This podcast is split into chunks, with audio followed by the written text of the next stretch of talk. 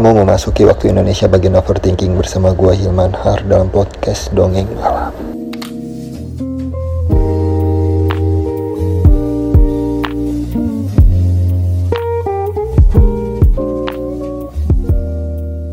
Untuk kalian yang berada di fase melupakan masa lalu, tapi sulit sekali sebab memang kalau berbicara soal hati, obatnya ya susah sekali. Tapi di lain sisi, kehidupan ini berjalan terus-menerus. Kita dipertemukan dengan orang baru, lingkungan baru, dan cinta yang baru. Sayangnya, karena kekecewaan yang kamu rasakan, kamu tetap merasa bahwa hatiku sudah mati dan gak akan berfungsi lagi. Ini yang membuat kita takut untuk mencoba.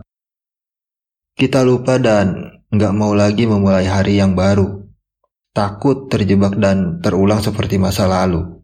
Padahal semua orang itu berbeda dan gak ada yang sama. Terus, kamu mau egois menyia-nyiakan mereka dan menyamakan mereka semua. Bisa bahwa orang yang baru ini akan menjadi obat buatmu loh, melupakan kesakitan di masa lalumu itu. Ya, namanya juga mencoba, kenapa enggak? Tapi Memang, kamu pertama-tama akan merasakan bahwa aku belum sepenuhnya pergi, hati masih tertinggal. Aku takut mengecewakan, aku belum sepenuhnya ikhlas. Kadang kalau terdengar namanya, aku masih menahan air mata untuk tidak menangisinya.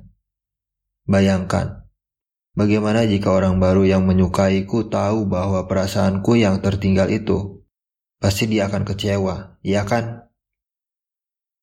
Itu tanggapanmu pasti. Dan aku berharap bahwa aku memang sedang tidak merasakan apa-apa. Ini adalah anggapan mereka yang merasa hatinya sudah mulai mati dan tidak bisa merasakan apa-apa lagi. Bagiku, sambutlah orang baru itu.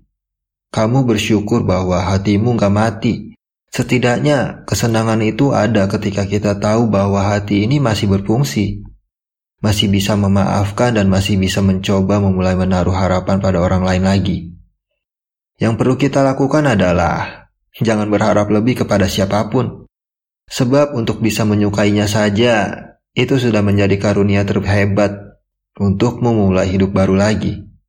Berterima kasihlah kalau perlu, atau nyatakan saja langsung seperti aku. Dan jangan memaksa orang yang baru kita cintai bisa memberikan segalanya yang kita mau.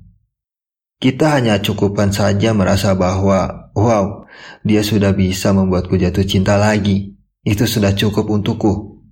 Sebab meskipun dia tidak bisa kumiliki, atau keberadaannya sangat jauh sekali, setidaknya dia telah mengembalikan fungsi hatiku seperti semula lagi bahwa hati ini masih bisa menyukai, hati ini masih bisa mencintai.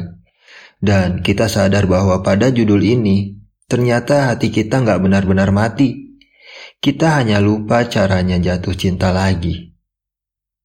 Untuk kamu,